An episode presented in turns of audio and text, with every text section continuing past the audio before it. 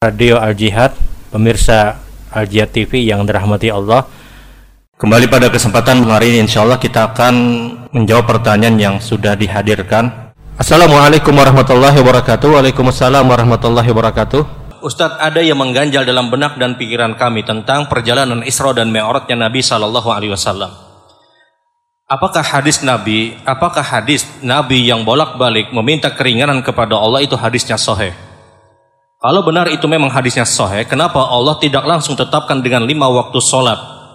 Sementara ketika hadis tersebut menyebutkan asal perintah sholat adalah 50 waktu, kemudian ditawar oleh Nabi menjadi lima waktu sholat.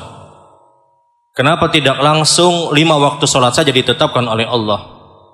Kemudian pertanyaan berikutnya, kenapa Nabi Wasallam hanya berbicara kepada Nabi Allah Musa yang mengajak bicara dengan Rasul, bukan Nabi Ibrahim?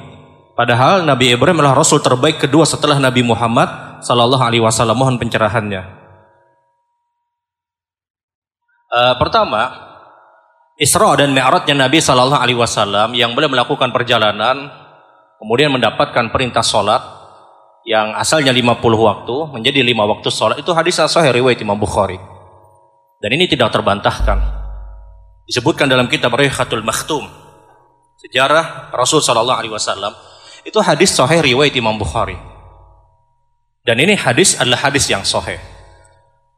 Permasalahan Nabi Shallallahu Alaihi Wasallam bolak-balik yang asalnya 50 waktu sholat menjadi 5 waktu sholat ini yang memang sudah diinginkan dan ditetapkan oleh Allah Subhanahu Wa Taala. Mohon maaf, apa pun yang dilakukan oleh Allah seorang hamba tidak berhak untuk mempertanyakan apa yang dilakukan oleh Allah Subhanahu Wa Taala. Kita tidak punya wewenang dan kita tidak layak untuk mempertanyakan apa yang ditetapkan dan apa yang ditakdirkan oleh Allah Subhanahu wa taala yang telah dilakukan oleh Allah. Kita tidak boleh mempertanyakan apa yang telah dilakukan oleh Allah. Dan ini prinsip. Dan ini akidah al-sunnah wal jamaah. Yang ditanya itu kita nanti pada kehidupan akhirat. Yang ditanya adalah kita, bukan Allah yang kita pertanyakan. Kemudian eh, berkaitan dengan 50 waktu sholat yang menjadi lima waktu sholat yang seakan-akan terjadi penawaran. Sekali lagi ini skenario yang memang ditetapkan oleh Allah. Boleh jadi kata para ulama hikmahnya adalah Allah ingin tampakkan, Allah ingin berikan kepada kita bahwasanya Allah adalah zat ar-Rahman dan Ar-Rahim. Allah sayang kepada kita. Allah mampu untuk langsung menetapkan di lima waktu sholat. Tapi 50 waktu sholat kemudian menjadi lima waktu sholat. Allah ingin tampilkan kepada kita hamba-hamba Allah ini kita punya Rob kita punya Allah yang maha pengasih maha penyayang yang sangat sayang dengan kita sama seperti ini kita tahu hadis Nabi Shallallahu Alaihi Wasallam apa yang terjadi pada hari kiamat. Awal ma yuhasabu nasu yaumul as-salah. Yaqulu Allah jalla wa ala lil malaikatihi wa wa alam unduru li abdi atama wa in qassa. Fa in kana tamatan kutiban wa tamatan wa in kana in qassa unduru lil abdi hal huwa min tatawu fa in kana tatawwan atama man qassa wa amama ala awal yang pertama dihisab di hari kiamat adalah ibadah solat. Yaqulullah jalla wa ala lil malaikatihi. Ini poin kita. Allah berkata kepada para malaikatnya, "Ungduru li abdi atamma in qasamin hasyai'a." Lihat wahai para malaikatku, bagaimana solat hambaku itu, apakah sempurna atau tidak. Kalaulah seandainya Allah tidak Allah tidak memerlukan malaikat tadi, langsung Allah cek pun Allah mampu. Tapi kenapa Allah perintahkan malaikat? Untuk apa? Untuk memberikan kesan kepada kita bahwasanya Allah adalah zat yang maha mampu untuk melakukan apa pun yang diinginkan oleh Allah. Malaikat itu zat malaikat adalah makhluk Allah yang begitu dahsyat. Yang di beberapa penjelasan hadis Rasul beliau menyebutkan Udina li an uhadditsa 'alal malikillah. Aku diizinkan oleh Allah untuk menceritakan bagaimana fisik malaikat kata Rasul. Di antara yang diceritakan Rasul, fisik malaikat itu kata Nabi adalah Jarak ma baina udhuni wa katifai ala ma baina samai wal ard. Jarak antara telinga dengan pundaknya saja kata Rasulullah itu sejauh langit dan bumi. Kita berapa? Langit dengan uh, pundak dengan telinga kita. Saking dahsyat dan besarnya malaikat Allah Subhanahu wa taala. Model penciptaan malaikat yang begitu dahsyat ini mampu dengan mudah diperintahkan oleh Allah. Dan ini hikmahnya kata para ulama.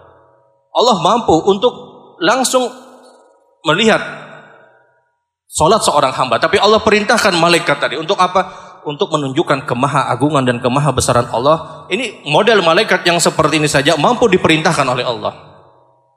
Sama dengan perjalanan Isra dan Mi'rajnya Rasul sallallahu alaihi wasallam. 50 waktu sholat itu asalnya ditetapkan oleh Allah. Kemudian akhirnya menjadi lima waktu sholat. Untuk apa? Untuk memberikan pesan kepada kita. Kita punya Rob Ar-Rahman Ar-Rahim. Kita punya Rob yang maha penyayang. Kita punya Rob yang benar-benar memperhatikan hambanya. Dan jelas di antara hikmahnya juga adalah 50 menjadi lima waktu sholat. Ini keagungan dan kemuliaan Allah karena Rasul Sallallahu Alaihi menyebutkan al khamsah ya khamsun kata Nabi.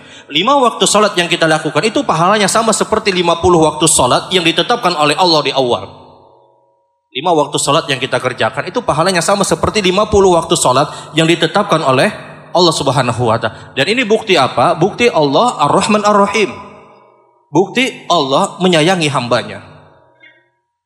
Adapun pertanyaan yang menyebutkan bahwasanya kenapa Nabi berbicara kepada Nabi Allah Musa bukan kepada Ibrahim alaihissalatu wassalam apa kenapa dan apa hikmahnya wallahualam sekali lagi ini perkara-perkara yang ditetapkan oleh Allah namun wallahualam boleh jadi Allah ingin menyempurnakan sifat seorang Nabi Allah Musa kita tahu satu-satunya Nabi Eh, satu nabi dan rasul yang langsung diajak berbicara oleh Allah di bumi ketika itu hanya Musa. Rasulullah itu diajak bicara oleh Allah ketika di langit. Musa itu diajak bicara langsung oleh Allah Allah ketika di bumi dan Allah ingin sempurnakan Musa adalah rasul yang langsung berbicara kepada Allah Subhanahu wa taala sehingga disempurnakanlah pembicaraan Musa dengan Rasul sallallahu alaihi wasallam.